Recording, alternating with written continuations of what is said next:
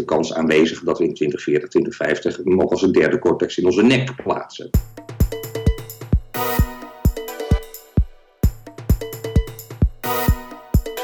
Ruud Veltenaar. Zijn cv is ongekend. Ik lees even op van zijn eigen website. Hij studeerde filosofie aan de Universiteit van Amsterdam en de Columbia University in New York. Hij haalde zijn MBA aan Harvard en hij was daarna ondernemer en manager bij bedrijven zoals McKinsey, Planet Internet, Wegener en Park Mobile. En tegenwoordig geeft hij lezingen over nieuwe technologie en de nieuwe beschaving van ons als mens. Hij is naast MIT in Boston ook hoogleraar aan de London Business School en hij geeft ook college op Nijenrode. Je kan de show notes net als altijd vinden op biohackingimpact.nl. In deze podcast refereert Ruud onder meer aan een aantal dingen die je zelf kan doen. Uh, eigenlijk om het klimaatprobleem tegen gaan. Bijvoorbeeld de 17 Sustainability Goals van de UNESCO en het rapport 5 keer anders van Urgenda. Die heb ik allemaal bij de show notes geplaatst. Die kun je dus vinden via biohackingimpact.nl. Deze podcast kun je steunen door supporter of fan of ondersteuner of wat dan ook te worden van mij op Patreon. Ga daarvoor naar patreon.com slash ptoosten. En je krijgt er ook nog wat voor, uh, zelfs als je de podcast steunt met 1 euro per maand. Uh, want in 2019 is mijn experiment om van elke podcast een exclusieve audio samenvatting te maken. Die is alleen voor de mensen op Patreon. En daarin vertel ik van wat heb ik ervan geleerd als ik het nu nog een keer luister. Wat valt me op? Ook wat zou ik beter doen? Er zijn nog bijzondere verhalen aan de podcast. Nou, in dit geval wel. Um, want Ruud ken ik al wat langer. Uh, en als je benieuwd bent hoe en wat, naar het verhaal hierachter, dan kun je dat doen door mij te steunen op Patreon. Wat je ook kan doen, of waarschijnlijk al hebt gedaan, is mijn boek kopen. Ga daarvoor naar biohackingboek.nl. In mijn boek Biohacking, de toekomst van de maakbare mens, heb ik al mijn kennis en ervaring en inzichten gebundeld van de afgelopen zes jaar door het doen van persoonlijke experimenten, het interview van experts voor mijn podcast, voor mijn YouTube-kanaal, voor mijn blogartikelen, het zelf organiseren van meetups, het spreken op evenementen en ook het bezoeken van symposia en congressen over allerlei type onderwerpen, van genetica en epigenetica tot brain-computer interfacing, wat ook heel erg nadrukkelijk aan bod komt in deze podcast. Wat je waarschijnlijk al hebt kunnen afleiden aan de preview die je net hebt gehoord. Dus ga naar biohackingboek.nl. Ruud Veltenaar, het is 2040 en mijn vriendin en ik zitten aan het ontbijten. Hoe ziet een dag eruit? Nou ja, dat hangt heel erg af van de relatie die jij hebt met je vriendin. Die is goed. uh, dus uh, ik heb niet de potentie uh, en ook niet de intentie om jullie dag te beschrijven. maar hè, als, het, als het ochtends vroeg is en het is 2040 en we schrijven bijvoorbeeld juli, dan is de kans heel erg groot dat het ochtends om 9 uur al 35 graden is. Um, um, en dat we een dag voorzien van boven de 40, maar daar zijn we inmiddels aan gewend. Uh, uh, en dat valt nog mee, want elders in de wereld, met name rond de Evenaar en 25 graden daarboven en 25 graden daaronder, loopt het vandaag in 2040 tegen de 50. En dat baart de wereld steeds meer zorgen, want we hebben de wetenschap dat als mensen langdurig verblijven op een gebied waar het warmer is dan 50 graden, dat onze uh, eiwitten afbreken en dan sterven we. Dus het is een, een, in eerste instantie toch weer een zorgelijke dag, maar we zijn er wel aan gewend geraakt dat de wereld nou ja, steeds warmer wordt en dat het ook complicaties begint te krijgen die we in 2018 niet hebben voorzien, of in ieder geval waar niet over gesproken werd. Maar goed, het is geen crisis, want we zijn er inmiddels aan gewend. En als je ergens aan gewend bent, is het geen crisis meer. En verder, ja, uh, is het, een, is het een, uh, een dag als alle andere? Uh, je gaat zo meteen naar je werk en wordt opgehaald door een autonoom voertuig. en terwijl je naar je werk gebracht wordt, ben je aan het Netflixen en nog even een, een, extra dutje aan het doen, omdat het gisteravond erg laat is geworden. en als je op je werk aankomt, is dat niet alleen maar voor één bedrijf, maar je doet tegelijk drie projecten hè, voor de werkgever waar je fysiek op dat moment bent. Maar in het kader van Business for Good is Good Business doe je ook nog twee andere projecten. Niet alleen maar voor het geld, maar omdat je via die projecten ook financieel, sociaal en ecologisch waarde aan het creëren bent. En dat geeft jou en ook je vriendin of je vrouw heel veel voldoening. want in 2040 eh, weten we inmiddels bijna allemaal dat ons leven niet draait om werk, maar om van waarde te zijn, financieel, sociaal, ecologisch voor de maatschappij. Uh, en als je dat goed doet, dan, dan leidt dat automatisch tot een beloning. En die beloning is bij jou voor de helft in geld en de andere helft krijg je die uitgekeerd in zorgpunten en in, en in mobiliteitspunten.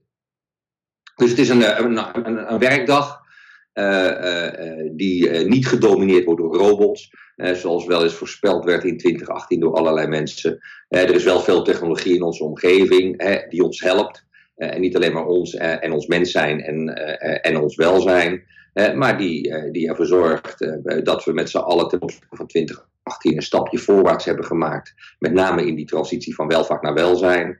We dragen sensoren op het lijf eh, om onze gezondheid te meten en te voorkomen dat we ziektes krijgen, of in ieder geval vroegtijdig gewaarschuwd worden. Eh, eh, dus dus we, ja, we hebben een belangrijke stap gemaakt in onze evolutie ten opzichte van bijvoorbeeld 2018. de wereld is een beetje beter, mooier en leuker geworden als het gaat om centraal stellen van welzijn. Maar er zijn ook tegelijkertijd een paar grote uitdagingen. Ik noemde net al het klimaat. Eh, nou, daar hebben we nog niet het hoogtepunt bereikt, of het dieptepunt moet ik misschien wel zeggen. De tweede helft van uh, deze eeuw uh, zal de temperatuur verder toenemen. En, en worden we geconfronteerd met 150 jaar draconische uitputting van onze aarde. Omdat we economisch gezien alleen maar wilden groeien, groeien, groeien. En dat we zelfsprekend vonden. Nou, we hebben dan in 2040 de les geleerd dat het niet helemaal verstandig was. Uh, en uh, ja, sociaal-economisch is de wereld ook veranderd. dus een basisinkomen, ja, verdien werkt niet, maar krijgt gewoon een basisinkomen. zodat ze verder haar potentieel kan ontwikkelen. leven lang lerend is aan het nadenken hoe zij met haar passie en haar talenten, co-creërend met anderen, maximaal van waarde kan zijn voor, voor de maatschappij.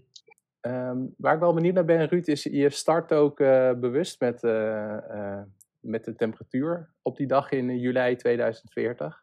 En ja, dat was ook iets in het voorgesprek wat je zei. Van, uh, ik noem het, de grootste uitdaging voor de mensheid hè, eh, deze eeuw is de klimaatontwikkeling, hè, de onbeheersbare klimaatverandering.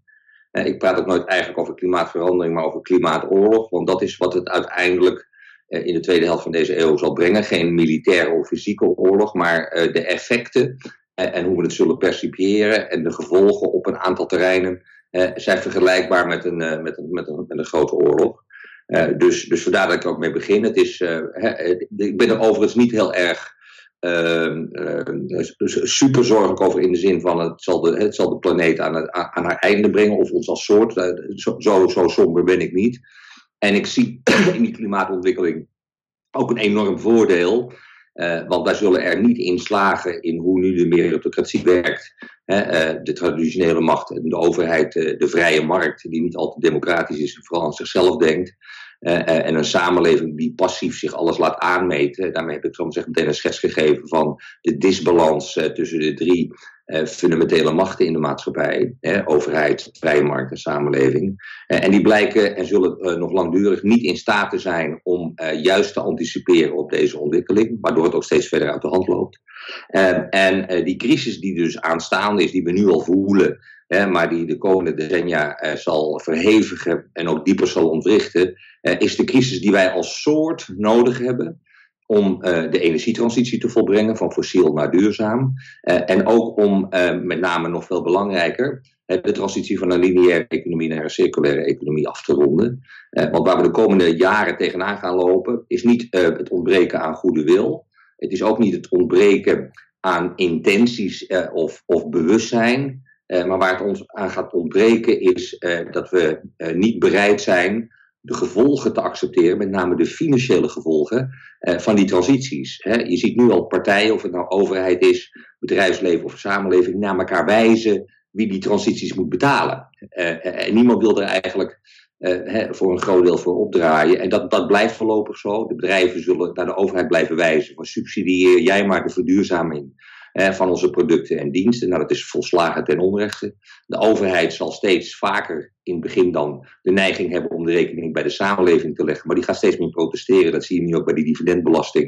En dan moeten ze terug naar het bedrijfsleven en dan gaat die weer protesteren.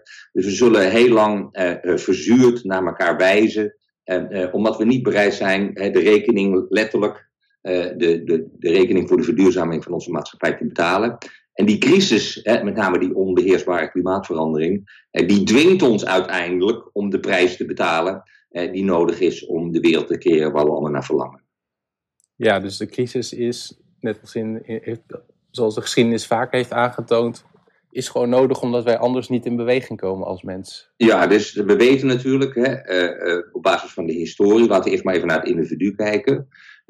wij kunnen als individu ons gedrag fundamenteel veranderen, overnight en blijvend, maar alleen als we een crisis ervaren die groter is dan we zelf zijn. Is één uitzondering, dat is een, een, een, een diep, ik zou het haast zeggen, een oerverlangen eh, naar iets dat zo sterk is dat het onze angsten overwint. En dan kunnen we ook vanuit eh, het verlangen een fundamentele verandering doorvoeren in ons leven, in ons gedrag.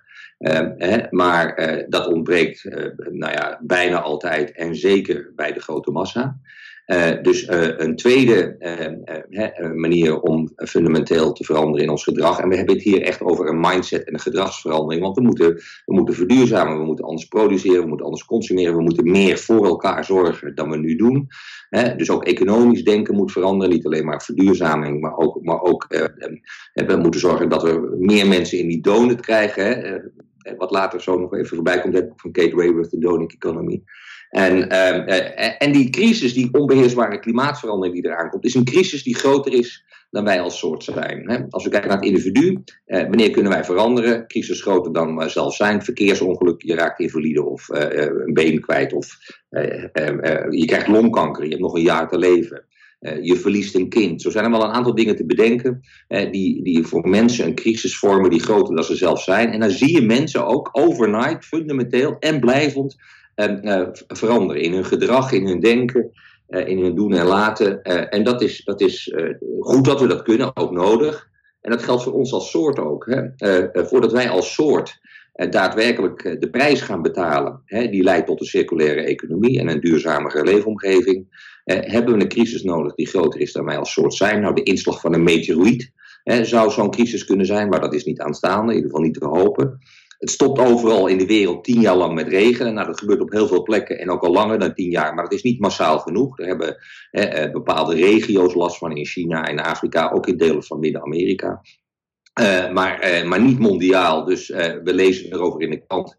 Maar het leidt niet tot gedragsverandering, want wij hebben daar geen last van. Maar deze onbeheersbare klimaatverandering, met name in de tweede helft van deze eeuw, eh, dat wordt een crisis die groter is dan wij als soort, hè, die, de, die de continenten overstijgt, die de geopolitiek overstijgt. Eh, waardoor we gedwongen worden, zowel politiek als economisch als sociaal, ehm, eh, de belangen parallel te laten lopen, omdat we allemaal letterlijk in hetzelfde schuitje zitten. Uh, en dat is blijkbaar wat we nodig hebben. En daarom juich ik de crisis ook toe. Hè. Um, en laten we wel zijn, hè, um, die crisis kunnen we niet vermijden meer, daarvoor is het te laat. Maar we kunnen natuurlijk wel een keuze maken uh, met welke mindset treden we deze crisis tegemoet. Hè. Doen we dat proactief? Eh, niet zozeer om hem af te wenden, want dat lukt niet meer. Maar, maar we accepteren het, we zijn adaptief. En we beginnen nu met damage control, zodat de impact van die klimaatverandering nou ja, zo min mogelijk blijft en niet beheersbaar blijft, maar dat, is, dat de schade zo min mogelijk is. Uh, en tegelijkertijd, hè, met een proactieve mindset, uh, uh, moeten we maatregelen nemen, met verenigde krachten en bijvoorbeeld met heel veel, met heel veel vaart, om hem op termijn toch te doen keren. Hè. En ik verwacht dat dat dan mogelijk is in de, in de volgende eeuw, maar dan moeten we daar nu wel de juiste maatregelen voor nemen. Uh, maar, maar de meeste mensen zullen die crisis benaderen. Eerst vanuit ontkenning, daarna het valt allemaal wel mee. Eh, om vervolgens als een slachtoffer van hun omstandigheden, dat zijn de reactieve bedrijven en mensen, die denken dat het allemaal wel meevalt of dat het hun deur voorbij gaat. Nou, dat is eh, denk ik zometeen 70, 80 procent van de bedrijven en van de mensen. Eh, die zullen reactief reageren op die crisis eh, eh, en zullen spreken over dat ze slachtoffer zijn van hun omstandigheden. Terwijl die eerste groep die met een andere mindset hè, nu bezig is met de voorbereidingen van die crisis, die hebben een proactieve mindset en die zijn de creator voor een belangrijk deel van hun omstandigheden.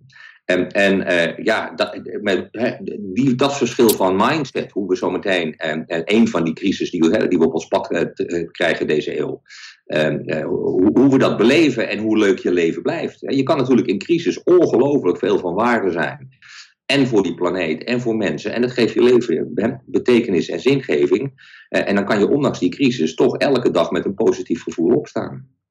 Terwijl eh, als je alleen maar loopt te zeuren hoe verschrikkelijk het is en eh, je gaat wijzen naar je opa's eh, en die generaties die de wereld naar de kloot hebben geholpen, dan heb je misschien wel een alibi. maar, maar je draagt dan echt helemaal niets bij aan de oplossing. en, en je leven blijft dan even ondraaglijk in, in de toekomst als het, als het op dat moment is. Uh, dus uh, uh, ja, dus zo, kijk ik een beetje tegen die klimaatcrisis aan. Dus ik hoop ook, hè, het klinkt misschien heel raar, maar ik hoop echt dat die, dat die met de snelheid komt die we verwachten. En dat die diepgaand zal ontrichten en minstens een generatie aanhoudt. Want als dat niet gebeurt, blijft de situatie zoals die nu is. En dan zijn we naar mijn stellige overtuiging nog steeds veel meer fucked hè, dan we zijn als we deze klimaatcrisis zo meteen te lijf gaan. En in het voorgesprek, uh, nee, laat ik anders beginnen. Ehm, ik weet niet of jij er nog weet, maar wij hebben ook een voorgeschiedenis. Iets van tien jaar geleden heb ik een uh, studentencongres georganiseerd in Groningen. En daar was jij een van de sprekers. Dus je. Ehm, dat was in de stad Schouwburg. En je... Ja, dat weet ik nog wel, ja. Oh, leuk. Ja. ja. En daar hebben jullie me ook later uh, volgens mij een prachtig uh, schilderijtje van gestuurd. Klopt, klopt. Ja. ja. ja. En uh, onlangs uh, was ik nog uh, bij een lezing van jou op de Provada, de vastgoedbeurs, als ik het goed zeg. Ja. Um, en wat mij, wat mij wel intrigeert aan jouw lezing, ik weet niet meer of dat toen zo was hoor, dan moet ik eigenlijk de, de video terugkijken van, van meer dan tien jaar geleden. Ja, um, mijn maar, verhaal is ook geëvolueerd hè, in die tijd. ja, precies. Maar dat je um, dat je ook heel veel aandacht hebt inderdaad aan de, en daar hadden we in het voorgesprek ook over, over de donkere kant eigenlijk van uh, technologie en technologiebedrijven. En dat je zegt van nou, de meeste trendwatchers, slash futuristen, slash whatever, die besteden daar geen aandacht aan. Kun je dat toelichten? Ja, ja dat wil ik wel, hè, zonder namen te noemen. Maar er zijn, er zijn echt veel trendwatchers. Het, het lijkt wel op of, of tegenwoordig elke werkloze of coach is of trendwatcher. Uh, uh, en wat die eigenlijk doorgaans doen, uh, is, uh, ze, ze, ze, ze, stropen heel internet af op, zoek naar boeiende artikeltjes. Vertalen die een klein beetje zodat het lijkt alsof het van hen zelf is. en schetsen dan een wereld waarin technologie dominant is. technologie alle problemen oplost die we vandaag de dag hebben. en een aantal van hun voorbeelden zijn ook wel re realistisch. Uh, maar, maar, technologie is natuurlijk niet een doel op zich in het leven. Uh, en moet je het ook niet positioneren als uh, alles zaligmakend. Ik vind op de Singularity University bijvoorbeeld, daar wordt technologie bijna dogmatisch gedeeld met, met de studenten. Het is bijna een religie geworden. En, en dat is ten onrechte. Technologie is, is een middel om ervoor te zorgen dat wij de samenleving, de maatschappij, ons werk, ons leven aantrekkelijker maken. Dat we, dat we meer in staat worden gesteld om financieel, sociaal, ecologisch van waarde te zijn. Dat is waar technologie aan moet bijdragen. En technologie moet niet bijdragen aan het uh, verrijken van een hele kleine groep elite, minder dan 5% van de mensheid, om die nog rijker te maken en de ongelijkheid in de wereld, zowel sociaal als financieel, te vergroten. Eh, en als je alleen maar die technologie neerzet als zaligmakend, dogmatisch, eh, en eh, het is iets dat iedereen klakkeloos moet, moet, moet, moet omarmen en moet integreren in zijn leven en in zijn werk, dan gaan we aan heel veel dingen voorbij. Uh, en ook aan heel veel dingen die niet in de toekomst een keerzijde kennen, ethisch vooral. Uh, maar ook zaken die vandaag de dag um, uh, spelen. Want de wereld is echt um, aan het dwalen. Er is een prachtig boekje geschreven door de Denker des Vaderlands, door René ten Bos de opvolger van Erik Gudde. Uh, dat boekje heet Dwalen in het Anthropoceen. En in het boekje uh, uh, beschrijft René dat, het, dat het Anthropoceen, dat verwijst weer naar ons als mensheid. Zoals we dat ooit hebben gedaan met krijt en met ijzer. Allemaal tools die wij in ons leven hebben gebruikt als mensheid. Dus we vernoemen de, de tijdperken graag naar onszelf. En dat geldt ook voor het Anthropoceen. En hij schrijft in zijn boekje, de verwijzing naar het Anthropoceen geeft aan dat wij mensheid een ecologische macht zijn geworden. Want wij zijn in staat gebleken om uh, het klimaat en onze leefomgeving uh, te beïnvloeden hè, in negatieve zin. Uh, dus dwalen in het Anthropoceen gaat over het dwalen van de mensheid in een tijd waarin zij haar leefomgeving aan het vernietigen is. En hij stelt in zijn boekje um, een, een, een soort dat intelligent is. Hè. Wij zijn het enige wezen op, uh, op aarde dat in staat is om collectieve intelligentie voor een deel te laten afdalen naar individuele intelligentie. En vervolgens ook weer individuele intelligentie hè, uh, collectief te maken. En hij stelt in zijn boekje een soort dat zo intelligent is, zowel individueel als collectief. Die willens en wetens, haar enige leefomgeving die er is, naar de kloten helpt, dat moet een soort zijn dat dwaalt. En daarom noemt hij ook het boekje Dwalen in het Anthropoceen. En hij zegt dat dwalen wordt gekenmerkt door het soort, wij mensheid, die niet meer weet wie we zijn en al helemaal niet meer weet waar we naar op weg zijn. En als je dat analyseert, dan bedoelt hij daarmee waar we naar op weg zijn, is dat wij wetenschappelijk, economisch gezien hebben aangenomen dat, dat groei, onbegrensde groei en alsmaar aanhoudende economische groei, eh, dat dat noodzakelijk is, dat het bewezen is, dat het wenselijk is, eh, omdat we anders onze veiligheid eh, en onze welvaart niet kunnen, kunnen borgen. Denk maar aan de, theorieën van Keynes. Maar inmiddels weten we dat die ongebreidelde groei van die vrije markt, die dat nastreeft, en ook de landen die het alsmaar hebben over BNP en groei in BNP, om de werkgelegenheid veilig te stellen, alsof ons leven om werk draait. En dat die ongebreidelde groei en het verlangen daarnaar en, het, en de vanzelfsprekendheid dat groei noodzakelijk is, dat heeft ervoor gezorgd dat we ver over de grenzen van, uh, van de planeet zijn geschoten. Uh, als je kijkt naar de biocapaciteit van de aarde, dus het vermogen van de aarde om grondstoffen te produceren elk jaar, dan, dan, dan beroven we de aarde niet alleen maar van haar, van haar productie jaarlijks, maar we beroven de aarde ook van heel veel voorraden die in miljoenen jaren zijn opgebouwd. dus we zijn die, die planeet draconisch aan het plunderen. Um, en daar beginnen we nu een heel klein beetje de gevolgen van te merken. En de komende 25, 30, 40 jaar zullen een aantal fundamentele grondstoffen uh, dermate schaars worden. En dat de prijzen van heel veel goederen echt sky high ehm, verhoogd zullen worden. en, en hij zegt, hè, dus, dus, dus het soort hè, dat, dat dwaalt en niet meer weet wie ze zijn en waar ze nou weg zijn, die hebben iets nodig om uit dat moeras te komen. Dat is enerzijds een crisis, dat is wat ik aan toevoeg aan zijn verhaal, maar hij schrijft in zijn boek, eh, dat wat, we, wat nodig is, is dat we ons moeten verbinden vanuit realiteit met de aandienende toekomst. Dus we moeten die grote uitdagingen, ecologisch, sociaal, economisch en spiritueel, die moeten we als koe bij de horens vatten. Eh, dus we moeten ons verbinden met de aandienende toekomst vanuit realisme. Um, en, tegelijkertijd, en, en de offers die daarbij horen. En tegelijkertijd moeten we ons verbinden met wat hij noemt een profound purpose. En dat is het antwoord op de why-vraag van Simon Sinek. Als wij weten als soort en als individu en als bedrijf waarom wij bestaan, en het antwoord is simpel, om financieel, sociaal, ecologisch waarde te creëren. Als we ons daar weer mee kunnen verbinden en we formuleren ook een aantal niet onderhandelbare waarden waar wij als mens, als bedrijf, als samenleving eigenlijk nooit een compromis zouden moeten sluiten, dan kunnen we ook op koers blijven van die profound purpose. En Ten Bos in zijn boek schrijft, als wij verbonden blijven met de aandienende toekomst en de uitdagingen oppakken. En we verbinden ons in gemeenschappelijkheid met een profound purpose eh, die de belangen van iedereen dient. En we hebben waarden waar we eh, eh, eigenlijk nooit een compromis zullen sluiten. Dan is dat de enige route uit dat moeras van dwaling en desoriëntatie. en dat geldt natuurlijk ook voor, voor technologie. Hè. het lijkt erop, zeker als we naar de historie kijken, dat technologie vooral momenteel uh, wordt opgepakt door, door de Silicon Valleys uh, van deze wereld. Uh, en, en die hebben niet zoveel moraliteit, uitzonderingen daar gelaten. En, en, en denken ook niet echt heel veel na over ethiek, omdat de moraal van dat soort bedrijven, en dat geldt voor de Googles, dat geldt voor de Facebooken, voor de LinkedIn's, hè, eh, maar ook voor de Ubers eh, of eh, de delivery, Deliveroo's van deze wereld. Hè, allemaal bedrijven die lang ge, ehm, gewaardeerd werden omdat ze zo slim waren en, en technologie heel slim inzetten. Maar ondertussen blijken die bedrijven vooral gestuurd te worden door mensen die, die van de vele miljarden die ze al hebben en nog veel meer miljard willen maken. En dat is natuurlijk niet waar technologie voor bedoeld is. dus wij moeten voorkomen met al die technologie die op ons afkomt en wat we vandaag de dag zien, is nog maar een kinderspel met, met, met betrekking tot wat er zo meteen allemaal komt. waar wij voor moeten zorgen is dat technologie een plek krijgt, gecontroleerd, een plek krijgt in de maatschappij waarbij die technologie de belangen van de maatschappij en de samenleving in zijn breedste mogelijkheid dient.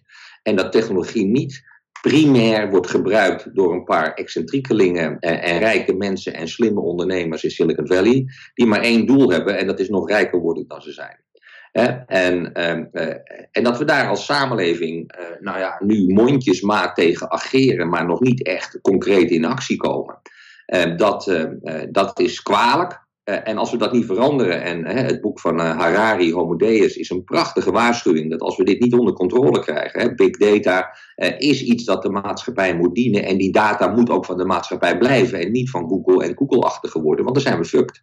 En dan worden we afhankelijk, dan stoppen ze daar elementen in waarbij onze geestelijke of zelfs misschien wel fysieke verslaving alleen maar toeneemt.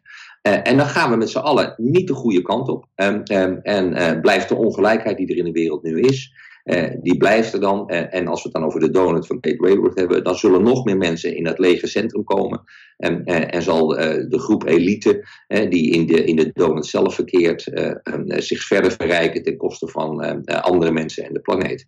Um, uh, dus daarom is het heel erg belangrijk uh, dat, dat technologie wel omarmd wordt en dat technologie ook wordt ingezet uh, met, een, met, een, met een groot maatschappelijk belang. Daar mogen bedrijven ook absoluut geld aan verdienen als ze daar significant in investeren.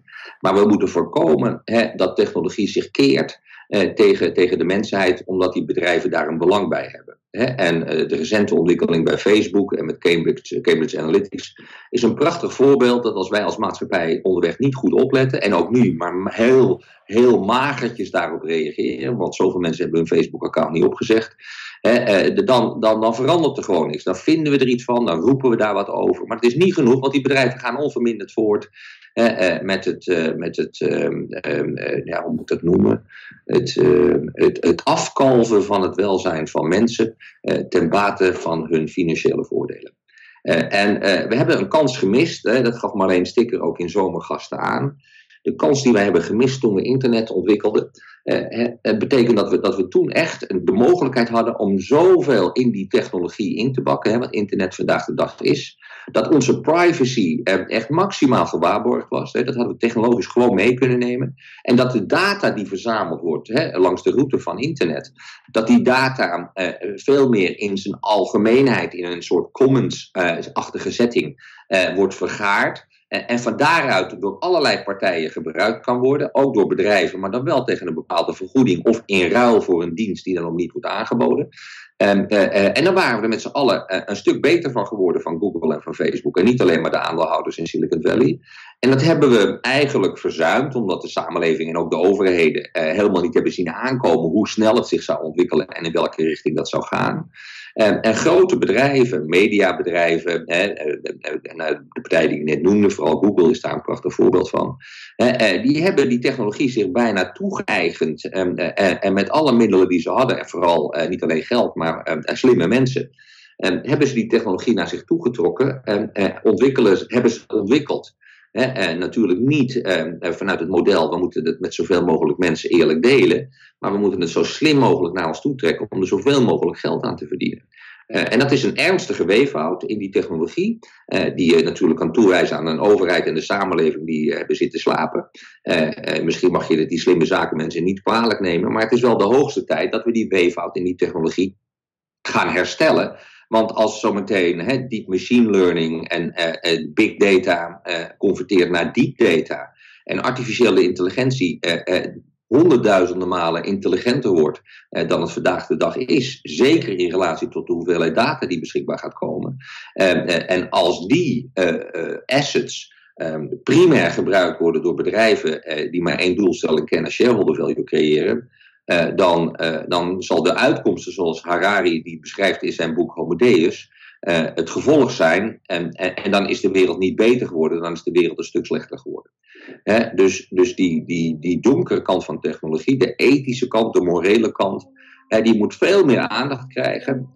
we moeten ons beseffen dat we daar een verantwoordelijkheid hebben als maatschappij en als samenleving.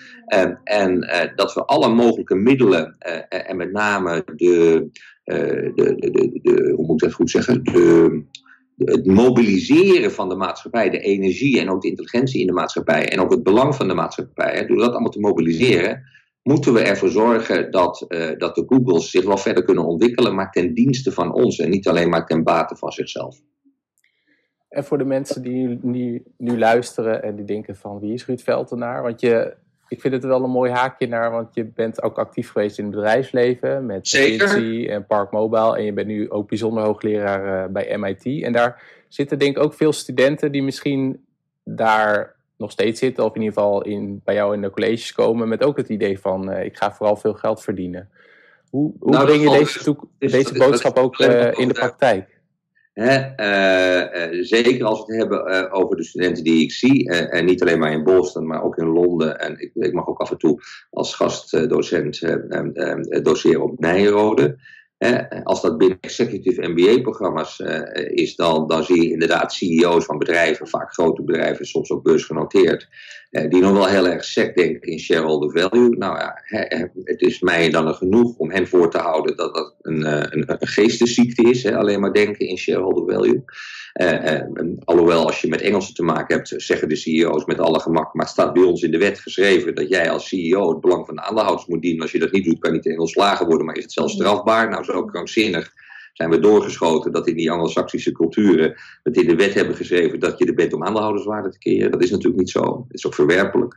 Uh, maar ik merk bij uh, de jonge studenten, ehm, ik wil niet zeggen een grote kentering, maar niet meer het, het hele sterke verlangen of, of doel Om succesvol te zijn in het leven, om uh, de hoogst mogelijke baan uh, te, te, bemachtigen tegen de best mogelijke salaris, zodat je twee huizen kan kopen en een mooie auto kan rijden. Dat merk dat is veel minder dan uh, in de tijd dat ik studeerde of leiding gaf aan bedrijven. ik merk bij jonge mensen, en dan heb ik het niet over 14-jarigen, maar ook gewoon over 18-jarigen en de Z-generatie en wat er nu hè, daarna zoals ze zich aandient dat ze, dat ze ehm, ehm, ehm, graag van waarde willen zijn voor de samenleving, voor de maatschappij. Dat ze de ook een, stukje verder willen helpen. Eh, dat dat niet alleen maar gaat over wij. Ik blijf ook belangrijk, maar ik sta niet meer centraal. Ik is ook een onderdeel van wij. en zo gaan we van, van concurreren naar co-creëren.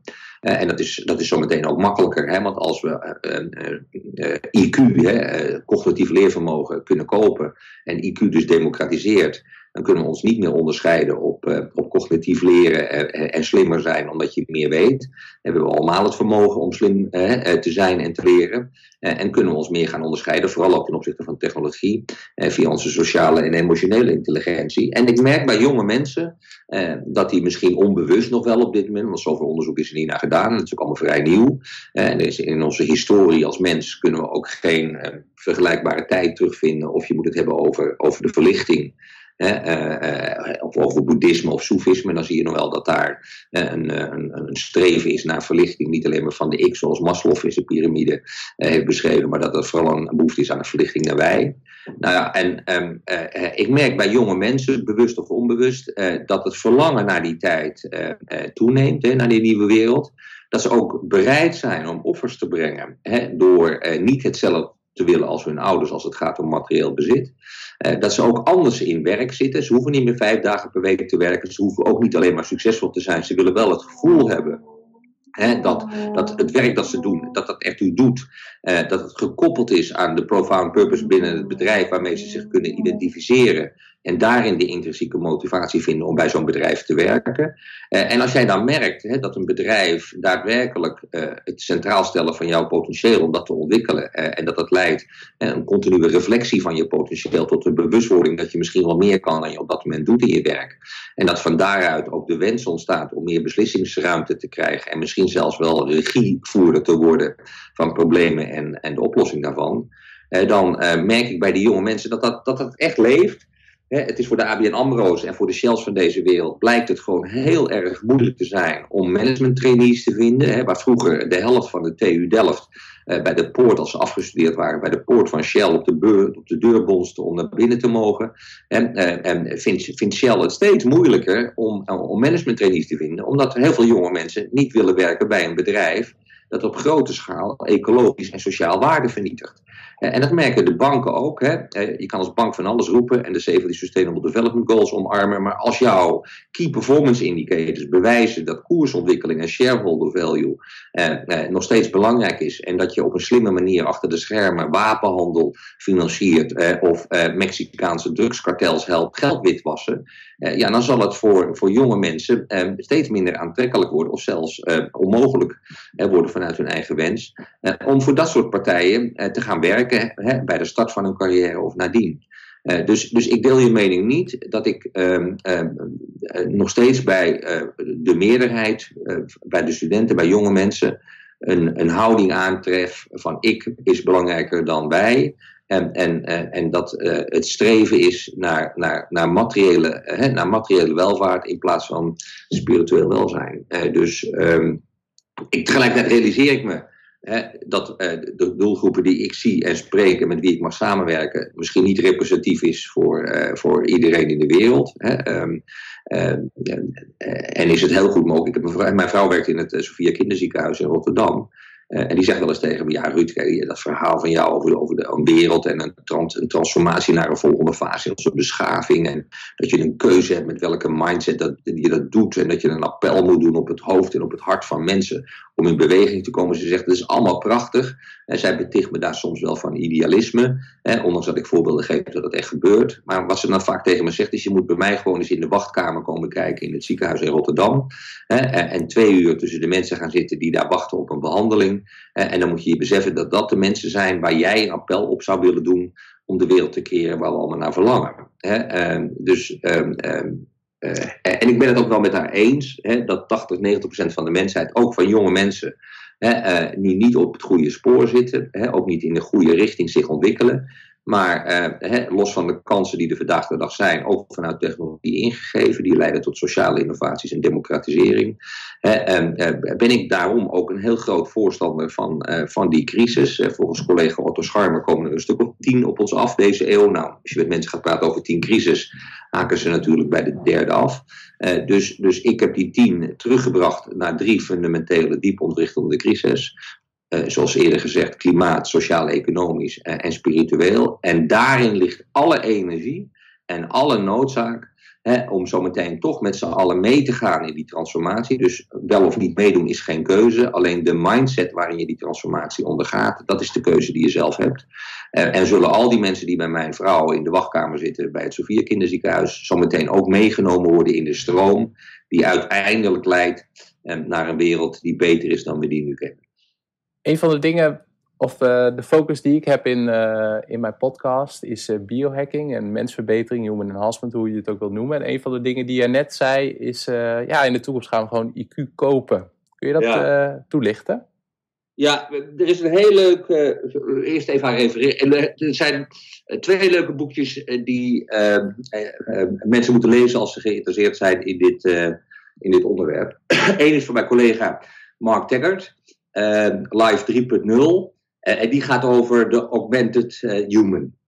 Ehm, en beschrijft eh, in zijn boek in welke richting het zou kunnen gaan. Maar waarschuwt ons ook waar grenzen liggen. En, en, en, en, de momenten waar wij als, als samenleving en als mens, als soort, met elkaar in gesprek moeten of we die grenzen over willen. Wat is in het boek?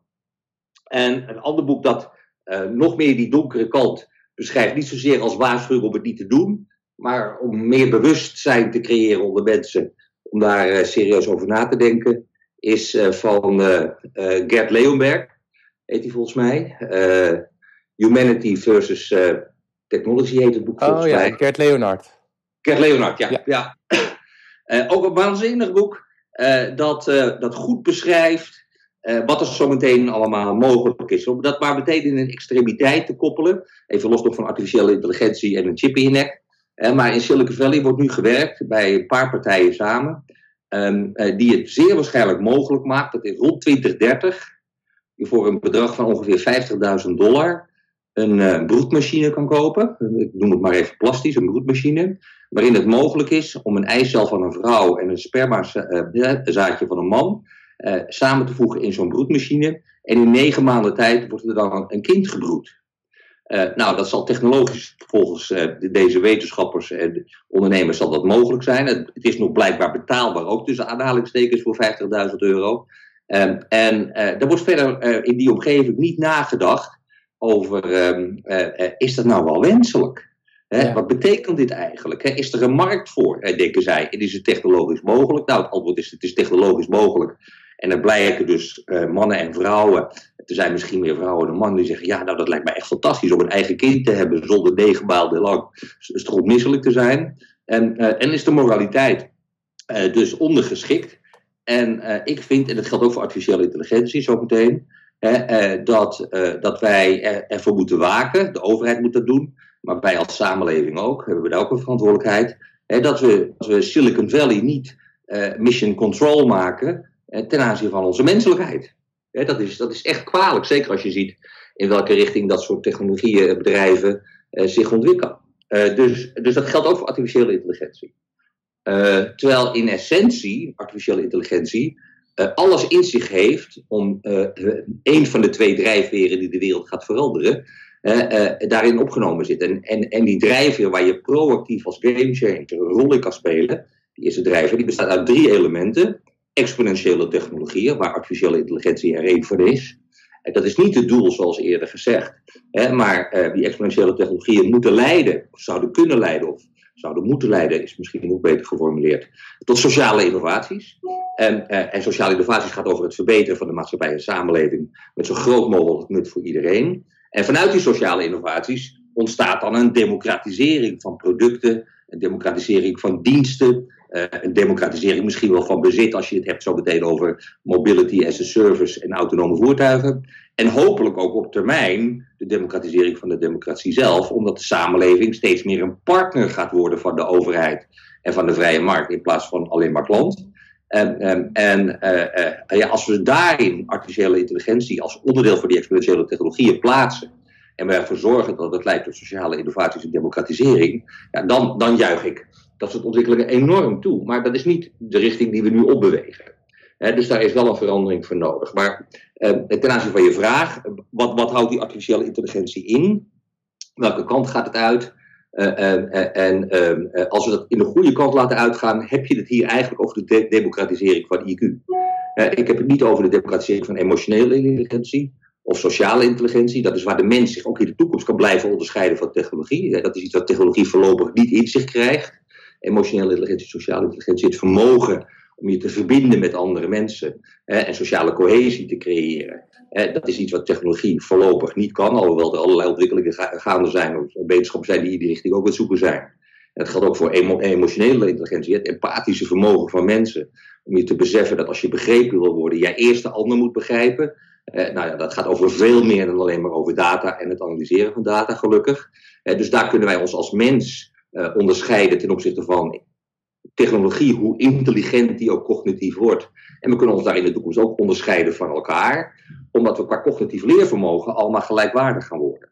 Uh, en dat heeft te maken met die artificiële intelligentie uh, en met de augmented human. want de verwachting is op MIT en ook op andere plekken dat wij in het volgende decennium in een situatie komen dat wij een chip kunnen kopen die we in een device stoppen, smartphone, tablet, computer, voor een paar honderd dollar. Uh, en die brengt ons aan cognitief leervermogen, de 100 IQ-punten, het vermogen om informatie te verwerken, uh, patronen te herkennen, samenhang te zien uh, en objectief aan de hand van die data conclusies te trekken. Ik heb het nog niet over het inschakelen van je gevoel erbij, maar over het analyseren van data. dat we voor 200 dollar een chip kunnen kopen die we in een device stoppen, die ons 100 IQ-punten brengen. Cognitief leervermogen, het processen van data. En daarmee bereiken we dan in het volgende decennium een stadium uh, uh, dat IQ, het processen van data om cognitief daar uit te leren en conclusies te trekken en beslissingen te nemen, dat, dat democratiseert in het volgende decennium. we hebben nog wel een uitdaging. 200 dollar is voor 6 miljard mensen heel erg veel geld. dus we moeten wakka-wakka-achtige businessmodellen bedenken om ervoor te zorgen dat die 200 dollar voor een chip van 100 IQ-punten ook toegankelijk is voor zij die dat niet kunnen betalen. En daar hebben we nog wel een weg te gaan. Het zal misschien wel één, twee generaties duren voordat we dat um, uh, zo daadwerkelijk implementeren. maar hier is, heb je ook meteen weer een prachtig voorbeeld. dat dit een technologie is die niet in handen moet blijven van een exclusieve elite in een vallei ergens. maar dat dit technologie is die um, ingezet moet worden om 8 miljard mensen te helpen. En niet alleen maar om 100 mensen rijker te maken. Nou, en het boeiende van deze technologie is dat het zal uh, evolueren. Het is een exponentiële technologie. Dus waar je voor 200 dollar uh, in het volgende decennium een chip kan kopen, die 100 IQ-punten brengt, zullen mijn kleinkinderen in 2040 voor diezelfde 200 dollar inflatie meetellend een chip kunnen kopen die de intelligentie met zich meebrengt van minstens 100.000 mensen. Ik heb het nog steeds alleen maar over IQ. Uh, uh, en heb je de mogelijkheid om die niet alleen maar uh, in je tablet te stoppen, maar is de kans aanwezig dat we in 2040, 2050 nog als een derde cortex in onze nek plaatsen. en er zijn heel veel tegenstanders van, en ik begrijp dat ook. En, ik, in het verlengde van waar we eerder over spraken, en Mark Tackert beschrijft het ook echt prachtig in zijn boek, en Harari trouwens ook. moeten we dat willen? Ehm, eh, eh, moeten we dat niet willen? En als we het willen, eh, onder welke voorwaarden? Nou, dat zijn, dat zijn fundamentele discussies. Ehm, maar als je het gewoon even nuchter op de keper beschouwt, en zo hou ik het ook vaak mijn, mijn zalen voor. als mensen niet goed kunnen zien, ze zijn bijziend en ze kunnen in de verte niet goed zien, dan vinden we het vanzelfsprekend dat deze mensen. Hebben we last van het boren, Peter? nee, dat valt mee. Oké. Uh, als, als mensen bijzien zijn en in de verte niet goed kunnen zien, vinden wij het vanzelfsprekend dat ze een bril opzetten. en ook beseffen we ons dat die bril niet een natuurlijk product is. Dat is een kunstmatig product gemaakt vanuit, chemicaliën door mensen zelf. Maar het dragen van een bril om beter te kunnen zien, vinden we als mens vanzelfsprekend.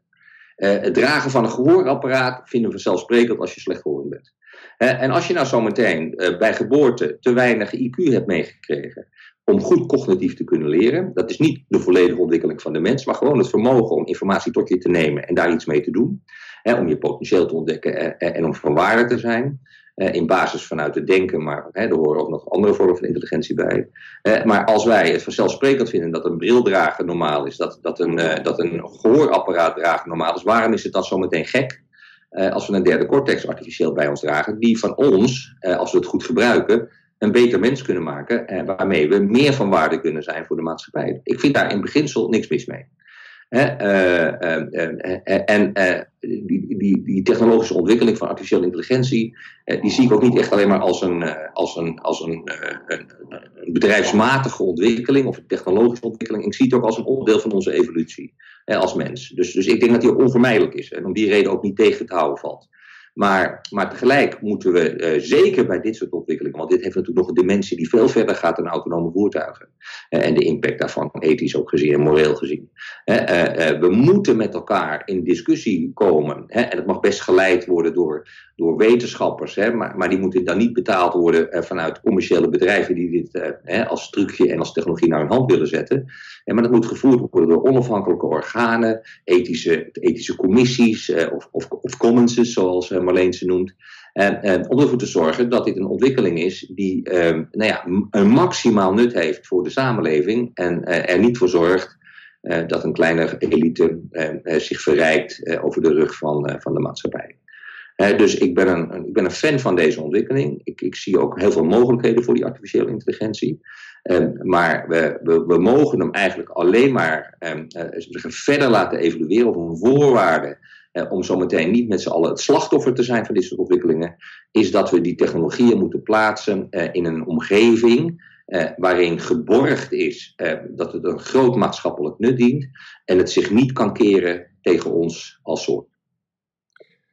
En is, want doel je daarbij eigenlijk op het, dat we op het als we het hebben over kunstmatige intelligentie, dat we op hetzelfde punt staan als wat Marleen Sticker aanhaalde uh, met de W-fout in het internet. Want als we dat nu niet goed regelen, dan krijgen we later last van. Ja, zeker. We, we hebben denk ik nu nog steeds een, een kans, een kleine kans misschien, hè, eh, om de ontwikkeling van artificiële intelligentie, maar dat geldt ook wel voor andere ontwikkelingen op het gebied van, eh, van life science en biomed. Uh, maar we hebben nu de kans om ervoor te zorgen dat uh, de positionering van deze technologieën uh, in een omgeving terechtkomt waar, waarin um, het beheersbaar blijft en controleerbaar blijft, dat het het grote maatschappelijke nut dient. Maar zodra dit exclusief in handen valt van een hele kleine groep mensen, bedrijven, die daarmee aan de haal gaan omdat ze het vermogen hebben om dit te ontwikkelen, eh, eh, en en eh, blijven denken zoals nu veel Anglo-Saxische culturen in het bedrijfsleven denken, namelijk we baten dit uit in, in primaire zin hè, voor ons eigen belang, dan, dan krijgt Harari gelijk en dan krijgt Mark Tackett gelijk, dan creëren we een wereld die nog veel draconisch slechter is dan de wereld die we nu kennen. En wat is, ehm, als we het nog hebben over human augmentation, wat zie je als andere interessante of angstaanjagende of enthousiasmerende ontwikkelingen? Nou, er zijn er natuurlijk heel veel. En als je enige moeite neemt op internet, dan kom je er honderden tegen. Maar welke ik heel erg boeiend vind, maar je merkt natuurlijk in dit gesprek al, hè, dat ik uh, langs een bepaalde manier naar die technologie kijk en ook een bepaald idee heb hoe zich dat zou moeten ontwikkelen. Maar, maar er liggen natuurlijk ongekende mogelijkheden als we het hebben over Internet of Things, ehm, ehm, eh, om uh, sensoren te gaan gebruiken op en in ons lichaam, om ervoor te zorgen dat onze gezondheid ehm, optimaal blijft. dat wil zeggen dat, dat, dat, we kunnen voorkomen dat we ziek worden, of dat als ziektes die we niet kunnen voorkomen tijdig gesignaleerd kunnen worden door sensoren. dat we vroegtijdig kunnen ingrijpen om de gevolgen daarvan te minimaliseren. Uh, uh, of het leven nog enigszins te verlengen, terwijl als je dat later zou constateren, het leven korter is. Uh, daar zie ik ehm, veel mogelijkheden, alhoewel ik niet denk dat dat uiteindelijk leidt tot de oplossing van, van, van veel gezondheidsproblemen. en ook niet tot een daling van de kosten, want ehm, meer dan de helft van onze somatische klachten hebben een, een psychische oorsprong de stress die wij in onze hedendaagse samenleving ervaren, en of dat nou is um, studentenstress, die met 300% is toegenomen ten opzichte van tien jaar geleden, omdat de lat steeds hoger gelegd wordt uh, en de eisen steeds hoger worden, wat heel ongezond is. Nou, die stress leidt tot klachten, en uh, ook fysiek. Ehm, eh, een derde van de mensen in ons land met een burn-out is jonger dan 30. Dat zegt alles over de meritocratie en het neoliberalisme. Uh, en die vorm van stress, geestelijk lijden, uh, daar wordt maar 10% voor behandeld. En de rest denkt dat het normaal is of dat het vanzelf overgaat. Nou, dat is niet zo. en dat geestelijk lijden, leidend tot somatische problemen, dat gaan we natuurlijk niet oplossen met het dragen van, van sensoren op ons lichaam om onze somatische pijntjes en kwalen op te lossen of te voorkomen. Uh, maar desalniettemin uh, ben ik optimistisch over het toepassen van technologie op en in het lichaam. om het, uh, om het fysieke en geestelijke welzijn van mensen te verbeteren. en als we daar weer voor zorgen dat dat technologie is die betaalbaar is en toegankelijk is voor iedereen. Dan zijn het niet alleen maar de rijke mensen in het Westen die er een voordeel mee kunnen doen, maar ook he, zij die nu in het midden van de donut zitten, hun voordeel mee kunnen doen. Omdat we het plaatsen in businessmodellen waarbij het ook toegankelijk wordt voor zij die niet zoveel geld hebben of weinig geld hebben of, of geen geld hebben. uh, dus Internet of Things in relatie tot onze gezondheid, leiden tot do-it-yourself healthcare. Dat vind ik een, een, een reuze boeiende ontwikkeling met heel veel mogelijkheden en die ook helemaal past in drijfveer 1 van de transitie namelijk exponentiële technologie, in dit geval Internet of Things, leiden tot sociale innovaties. Eh, dat houdt in, wij burgers gaan zelf onze gezondheid meten, een beetje managen en misschien ook wel eh, eh, bijsturen omdat we technologisch ondersteund worden en daarvoor niet meer naar de huisarts moeten of naar een dermatoloog. En dat leidt weer tot de democratisering van gezondheid. Dus onze afhankelijkheid van artsen en specialisten zal afnemen als wij technologie gaan inzetten en do-it-yourself healthcare als sociale innovatie omarmen, eh, om onze gezondheid te managen, eh, te verbeteren, te optimaliseren, en, eh, waarbij een arts misschien veel meer in de positie komt van second opinion of eh, een hele belangrijke rol speelt eh, ten aanzien van hele ingewikkelde eh, problemen, waar artificiële intelligentie en big data niet aan bijdragen of een, een tool zijn voor een arts. Uh, maar, maar, hier zie ik um, met veel optimisme mogelijkheden, mits we um, uh, het onderwerp van de dark side van technology uh, en ervoor zorgen dat we vanaf het begin de, de, technologie goed inpassen in een structuur waarbij het algemeen maatschappelijk belang wordt, wordt gediend. En, ik ben geen socialist, dus het gaat niet om dat ik niet wil dat bedrijven winst maken. Bedrijven die hier significant in investeren en risico nemen, moeten daar vorstelijk voor beloond worden. Maar dat heeft een grens. En die grens gaat een overheid niet stellen. Hè. We hebben een, in West-Europa neoliberalen aan het bewind. Die vooral zeggen: je moet niet te veel betuttelen en de vrije markt ehm, zijn gang laten gaan. Nou, daar ben ik het niet mee eens. Hè. Ja, als we kijken wat de vrije markt heeft gecreëerd de afgelopen honderd jaar, dan is het nog meer ongelijkheid en een planeet die verwoest is, of bijna verwoest is. Dus iets meer regulering en iets meer inbreng vanuit de samenleving is ook bij artificiële intelligentie. En alles wat augmented is en een relatie heeft met mensen en hun welzijn, dat moet, dat moet beter gepositioneerd worden, meer gereguleerd worden vanuit de overheid, met meer inbreng vanuit de samenleving.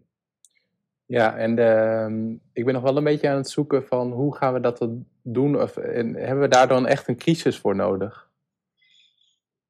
Nou, daar lijkt het wel op. Ja. Uh, uh, alhoewel we intellectueel wij samen in een uur de oplossing kunnen creëren, Peter. Hè? Dus, dus intellectueel is het niet heel erg moeilijk om een oplossing te bedenken die ervoor zorgt dat technologie wordt ingezet met een algemeen maatschappelijk nut. En als we er een paar accountants bij halen en slimme ondernemers die succesvol zijn in het, in het ontwikkelen van, van diensten en het verkopen van hun bedrijven, maar allemaal wel met dezelfde mindset. Hè? We willen een wereld creëren waar allemaal naar verlangen. Dan hebben wij ook binnen, binnen een dag gangbare generieke formules ontwikkeld.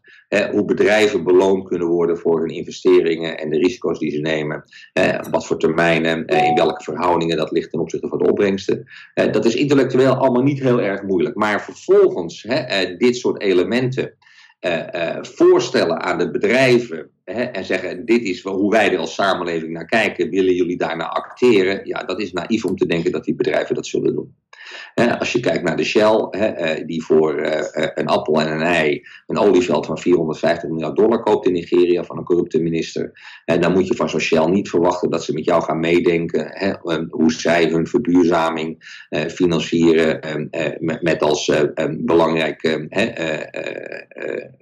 met als belangrijk resultaat ook sociale, ecologische en financiële waarde creëren voor de samenleving. Dat zijn partijen die, die zijn door en door slecht en corrupt. Uh, en die streven uitsluitend eigen belang naar en hebben een geweldige marketingmachine uh, achter zich staan die de wereld doen geloven dat zij het beste met de wereld voor hebben. Maar je moet gewoon simpel naar key performance indicators kijken van bedrijven. Hè. Dan zie je namelijk wat hun cockpit is. Uh, en wat ze primair nastreven. En partijen als Shell, uh, en zo zijn er vele, daar gaat het echt alleen maar om shareholder value creëren. en en ik, ik ben hoopvol dat dat de goede kant uit gaat. Ben Verbeurden staat met een heel team momenteel voor de rechter in Milaan. Vanwege dit corruptieschandaal. En, en ik hoop dat daar flink uitgehaald gaat worden. En dat het niet afgekocht wordt met een transactie. Zodat de wereld ziet dat, de, dat zelfs grote machtige bedrijven behoren tot de top 10 als je naar dit soort bedrijven kijkt, hè, dan moet je realiseren dat zij qua economische entiteit groter zijn dan België, dan Zweden, zelfs groter zijn dan Rusland, hè, groter zijn dan meer hè, dan de helft van de landen in de wereld. Uh, uh, nou, als België hè, zal zeggen, zich zou permitteren wat uh, de Shell zich permitteert, dan zou er direct een klacht ingediend worden bij de United Nations en zal van daaruit resoluties richting België gaan dat ze hun gedrag daar moeten bijstellen. maar het gekke is dat een partij als Shell en of Unilever, en zo zijn er een hele hoop te noemen, vooral ook in het buitenland, dit zijn economische entiteiten, dus ook economische machten die groter zijn dan menig land, maar als die zich misdragen en dingen doen die schadelijk zijn voor de samenleving, die schadelijk zijn voor onze planeet, is niemand die er wat aan doet, omdat ze zich verschuilen achter we houden ons binnen de grenzen van de wet. Eh, maar voorbij gaan aan bijvoorbeeld de 10 principles van de United Nations, gekoppeld aan de 17 doelstellingen, en die gaan over ethiek. dus we zullen in de toekomst zien dat houden aan de wet ehm, niet genoeg is eh, om, je, om je gedrag te verdedigen, maar dat de samenleving met een toenemend moreel besef en vooral ook een toenemend besef van de externaliteiten, de gevolgen van het acteren van dit soort grote eh, economische entiteiten, eh, dat de samenleving ethisch gezien haar rug zal keren naar dit soort bedrijven, ongeacht hoe belangrijk ze zijn, ongeacht hoe sterk ze hun best doen om de wereld beter te maken. maar als Ben Verbeurden roept, ik ga elke druppel die in de aarde zit nog uithalen, want daarmee dien ik het belang van mijn aandeelhouders, ja, dan moet je erop rekening, dan moet je rekening houden dat niet alleen maar eh, de pensioenfondsen zich tegen je zullen keren, maar dat het uiteindelijk ook de samenleving zal zijn die zich tegen je keert. dus ehm, ik ben ook daar uh, optimistisch, maar, maar ik denk dat voordat dit soort bedrijven en in zijn algemeenheid de vrije markt open staat voor uh, een discussie met de samenleving. Hoe kunnen we nou samen optrekken, uh, zodat ons beider belang maximaal wordt bediend? Dat er twee dingen voor nodig zijn. A, de samenleving moet vanuit technologie en sociale innovaties een grotere machtsfactor worden. En dan niet alleen maar via stemmen één keer in de vier jaar richting de overheid, maar ook praktisch, zoals nu met energiecoöperaties gebeurt en burgers, 10.000, 100.000 burgers een economische entiteit worden en eigenlijk de nuons en de eneco's op termijn overbodig maken, omdat wij zelf een veel grotere energieproducent gaan worden dan deze bedrijven als samenleving. dus de ontwikkeling technologie gebruiken voor sociale innovaties, democratisering, toenemende macht van de samenleving als, als partner in plaats van alleen maar als klant van de vrije markt en de overheid. En eh, die fundamentele crisis, ik denk dat dat toch nodig is eh, om ervoor te zorgen dat de bedrijven de, belangen parallel laten lopen met, eh, eh met de andere stakeholders. Eh, er zijn voor, voorbeelden van bedrijven die dat nu al doen. Ik vind een prachtig voorbeeld in Nederland een bedrijf dat zonnepanelen verkoopt. Ehm, eh, eh, dat is niet zo bijzonder, want dat doen er heel veel. Eh, ze doen het wel tegen een iets aantrekkelijkere prijs, maar is nog steeds niet echt onderscheidend. Ze verhuren zonnepanelen, dat is ook niet onderscheidend, maar ze hebben ook een verhuurmodule waarbij ze tegen coöperaties zeggen: de huurprijs die jullie betalen voor de zonnepanelen, die is nooit hoger dan de besparing die het jullie oplevert. En in dit voorbeeld beginnen de belangen tussen een bedrijf en de klant, een energiecoöperatie, burgers, beginnen ze parallel te lopen. Dit bedrijf gaat zelfs nog een stap verder. Die zegt alle entiteiten waar wij zo meteen mee samenwerken van enige omvang en waar wij eh, eh, verduurzaming van de energie eh, leveren, daarvan zijn wij bereid eh, om zeggenschap, eh, de revenuen, zowel materieel als immaterieel, op termijn te verdelen in een verhouding 51% voor de klant en 49% voor ons. Uh, en dit bedrijf is een van de snelst groeiende leveranciers van, van zonne-energie in Nederland. En waarom? Omdat ze een businessmodel hebben gekozen dat in het verlengde ligt van wat ik noem business for good is good business. Je kan beter iets minder hebben van iets groot en dat snel groeit en het algemeen belang nut, dan dat je zegt ik wil dominant blijven vanuit een 9 tot 10% verhouding, waardoor je meer geld verdient, maar niet in volume, alleen maar in percentage dus dus uh, dit zijn voor mij voorbeelden uh, die mij hoopvol stemmen. dat, dat er een hoop mogelijk is met een goede mindset.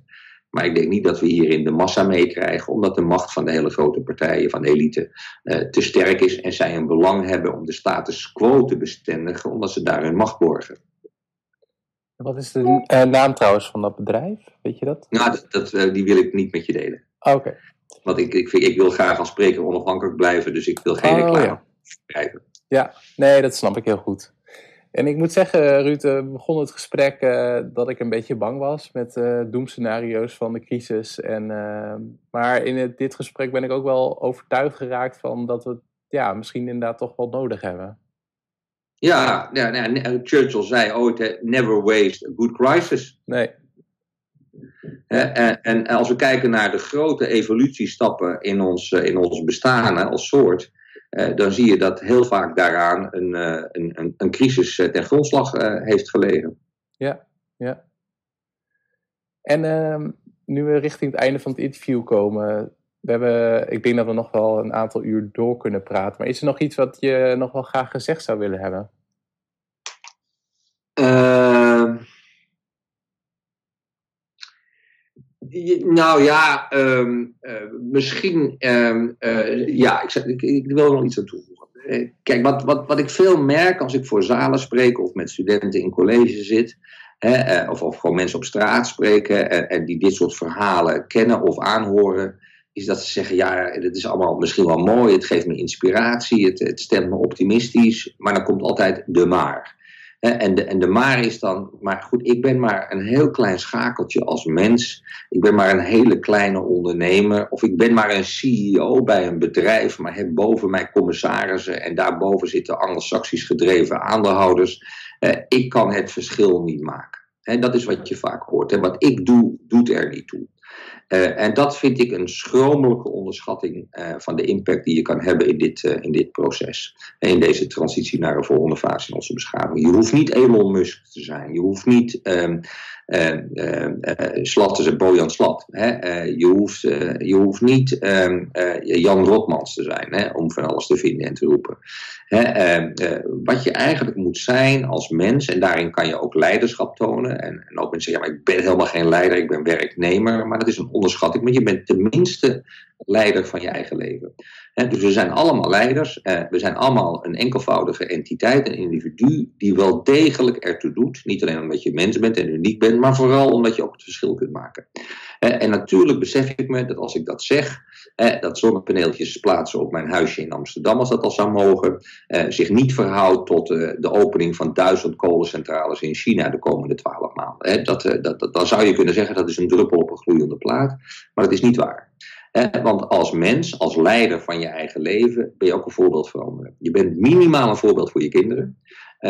Waar je ervoor moet zorgen, vanaf het hielprikje dat ze krijgen, een mindset krijgen, kritische beschouwing van de wereld, ontwikkeling van hun eigen idealen en een volhardendheid om een bijdrage te leveren, dat die kinderen van jongs af aan gestimuleerd moeten worden. En dat is niet door macht of gezag of door te vertellen hoe jij denkt dat de wereld in elkaar zit, maar dat kan je vooral doen naar je kinderen, naar je vrienden, naar je buren, binnen je bedrijf, naar je collega's en als bedrijf naar andere bedrijven, door een voorbeeld te zijn. En we weten dat als je leiderschap toont en, en, een voorbeeld bent in het goede doen, en dan heb ik het nu niet over het goede in de zin van prestaties en geld verdienen, maar het goede doen in de zin van een bijdrage leveren, financieel, sociaal, ecologisch, dan wordt dat door heel veel mensen aangevoeld, erkend, herkend. En, en, eigenlijk ook enorm gewaardeerd. Misschien uiten ze dat niet, maar ergens diep binnenin zeggen mensen: Jeetje, dat is toch eigenlijk fantastisch dat hij of zij of dat bedrijf dat doet. Eh, en daar hebben we een, eh, niet alleen een soort bewondering voor, eh, maar, maar dat geeft ons ook een goed gevoel. en, en de kunst is natuurlijk dat, dat als je dat consequent blijft doen, als individu, als eenling, als enkelvoudige entiteit, dat, je, dat je meer en meer het voorbeeld bent. En voordat je er erg in hebt, krijg je één volger per week die zegt: Nou ja, dat voorbeeld van, van, van Peter of dat voorbeeld van Marie, dat inspireert mij zo erg dat mensen daarover na gaan denken. Misschien in het verlengen van een heel andere uh, doelstelling binnen die 17 of anderszins. uh, ook op die manier uh, leiding gaan geven aan hun eigen ambities en dromen. En als jij één volger krijgt per week, heb je er 52 per jaar. 520 in 10 jaar en een paar duizend in je leven. Dus je kan en je mag nooit zeggen dat wat jij doet er niet toe doet. Want je kunt ervoor zorgen dat je duizenden, duizenden volgelingen krijgt in je leven. In het creëren van een wereld waar we allemaal naar verlangen. En daarmee doet iedereen ertoe. He? Dus uh, ik ben altijd niet fel, maar kritisch naar mensen die zeggen: het maakt niet uit wat ik doe, het doet er niet toe. Mooi. En uh, ook een mooie opdracht, denk ik, voor, uh, in ieder geval voor mij, laat ik het zo zeggen. En misschien ook ja. voor, de, voor de luisteraars die zich aangesproken Je zou nog kunnen zeggen, ja, maak het dan nog eens concreter. Hè? Ik sprak gisteren uh, voor een, een, ROC, voor een paar honderd docenten. Een hele dag, een, een, ochtendsessie met alleen maar zenden en een middagsessie met heel veel discussie en, en, en gesprekjes en, en onderzoek en reflectie. En, en, daar kwam ook aan het einde in het laatste half uur aan de orde. Ja, Ruud, geef me nou eens een concrete tip waar ik morgen iets mee kan. En ik heb ze er toen twee gegeven. En dat zou ik ook de luisteraars van deze pot uh, willen meegeven. Uh, uh, je kan ze allebei doen, uh, je kan ook één van die twee doen. Eén, kijk nou eens naar die 17 Sustainable Development Goals van de United Nations, hè, waar 170 subtargets achter zitten en 209 indicatoren aan gekoppeld zijn, waarvan er een paar financieel zijn, maar andere indicatoren zijn vooral gekoppeld aan sociaal en ecologisch. Kijk naar die 17 doelstellingen, verdiep je daar eens in een half dagje in in het weekend. en dan zal je, voor iedereen gelden, dan zal je merken dat één van die 17 misschien wel drie van die 17, hè, maar het, appel nu is: eh, kies één van die 17 doelstellingen waar jouw hart vrolijk van wordt. Je zegt van ja, daar, daar voel ik me vanuit het hart mee verbonden. Eh, eh, die ook aansluiten bij, bij je ambities, bij je talenten, bij je potentieel en het netwerk dat je hebt. Dus kies ook een doelstelling, niet alleen maar vanuit het hart. Maar er ook eentje die eh, niet alleen je passie ontketent, maar waarvan je het gevoel hebt op basis van je materiële en immateriële assets, waar je een bijdrage kan leveren. En, en, en plaats die doelstelling dan elke zondag in je agenda. Eh, met een zinnetje. Wat heb ik afgelopen week gedaan ten aanzien van deze doelstelling om de wereld te creëren waar ik naar verlang? Uh, en als het antwoord daarop is, daar heb ik afgelopen week niets aan gedaan. En dat doe je meer dan vier keer, dan moet je die doelstelling uit je leven, uit je agenda halen. En verder leven als klootzak, hè, om het maar even in een artikel uh, te noemen van de correspondent deze week verscheen. Uh, maar veel mensen houden zo'n zo'n regeltje in hun agenda, omdat ze merken dat het hun energie geeft. Omdat ze merken dat ze er positieve reacties op krijgen. Omdat je het voorbeeld aan het geven bent naar andere mensen. En het maakt je leven een beetje beter, mooier en leuker. Eh, alleen die 17 doelstellingen zijn niet echt ehm, ehm, nou ja, ehm, eh, in hapklare blokken te vertalen naar eh, een regeltje in je agenda. dus wat je ook kunt doen in een of of in een en-relatie is het, het, rapport van agenda dat vorig jaar is geactualiseerd downloaden. Dat heet vijf keer anders. En in vijf keer anders wordt, staat een inleiding over een wereld in verandering, zoals we dat in deze podcast hebben besproken. en in dat rapport, het is een paginaatje of veertig, dus dat heb je in twee uurtjes gelezen. In dat rapport staat vijf keer anders. vijf keer anders wonen, vijf keer anders reizen, vijf keer anders consumeren, vijf keer anders energie opwekken, vijf keer anders consumeren. en elk van die vijf keer anders elementen hebben een agendaatje en een vertaling van de agendapunten naar wat jij als individu, als vader, moeder, zoon en dochter, eh, wat jij eh, er morgen aan kunt doen. Dus mijn, mijn appel aan de luisteraars nu is. Uh, als die 17 Sustainable Development Goals een brug te ver zijn, lees dit rapport. Uh, kies van die vijf, uh, vijf keer anders er eentje uit. Kijk naar de agenda, haal één agendapunt eruit. En kijk vervolgens welke acties in dat rapport geschreven staan, die je morgen meteen in de praktijk kan brengen. En concreter kun je het niet maken. Als je zegt, ja, dat is nog steeds te theoretisch of te hoog over, dan moet je echt een reflectie hebben van onwil, want veel pragmatischer dan dit kan het niet. Mooi, ik zal die uh, beide, ehm, ehm, de goals en, en, het rapport toevoegen aan de show notes. Uh, ja, wat, wat kan ik voor jou eh, toevoegen aan de show notes? Waar kunnen mensen jou vinden als ze meer over jou willen weten? Nou, een googeltje op Ruud Veltenaar uh, geeft heel veel informatie. Telefoonnummer, Skype-adressen, e-mailadressen. Ik ben relatief makkelijk benaderbaar. Ik heb ook een goed team voor mijn werken. dat als ik niet benaderbaar ben, omdat ik aan, aan het les spreken ben of college geven, die vangt dat op. Ehm, en er is ook veel YouTube-materiaal te vinden, veel artikelen. geen boek, ik heb geen boek geschreven. ik heb de ambitie ook niet echt ik blog wel veel, omdat je daarmee meer mensen bereikt. en het ook vaak langer blijft hangen, zo'n blog, dan eh, een boek dat in een boekenkastje staat. Waarmee ik niet wil uitsluiten dat er een keer een boek komt. Maar ik heb het op dit moment simpelweg te druk om een werk te schrijven dat ik zeggen, kwalitatief in gedachten heb. Dus op de, op de verre achtergrond uh, suddert het wel, samen met Guido van der Wiel. Maar of het er gaat komen, is, is geen belofte. Hartstikke goed. Dus ehm, in ieder geval ruudveltenaar.nl en die zal ik ook bij de show notes vinden. En dankjewel voor je tijd, Ruud, en je inspiratie en je ideeën. Fijn dat, je, ehm, dat, je, dat we dit samen hebben mogen doen. Ik hoop dat het een, een hoop mensen niet alleen doet luisteren, maar vooral een hoop mensen doet volgen. Want dan is de dag en dit weekend dat aanstaande is voor mij al maximaal. Hartstikke goed, dankjewel. All the best. Bedankt voor het luisteren naar deze podcast. Je kan deze podcast steunen door fan te worden op Patreon. Ga daarvoor naar patreon.com slash ptjoosten. En zoals ik al zei, in 2019 maak ik van elke podcast een exclusieve audio-samenvatting. Wat heb ik geleerd? Wat viel me op? Wat is ook nog bijzonder aan de gast of het interview? En ga daarvoor naar patreon.com slash. Mijn vraag voor jou voor deze keer is... Hoe zie jij de klimaatcrisis als een kans? Of anders, misschien wel een makkelijke vraag. Ik heb het uitgebreid met Ruud over het ontstaan van de klimaatcrisis. En ook wat je daar zelf aan zou kunnen doen. Als burger, als consument, als inwoner, als wat dan ook. En ik ben wel benieuwd, wat ga jij doen? En waarom?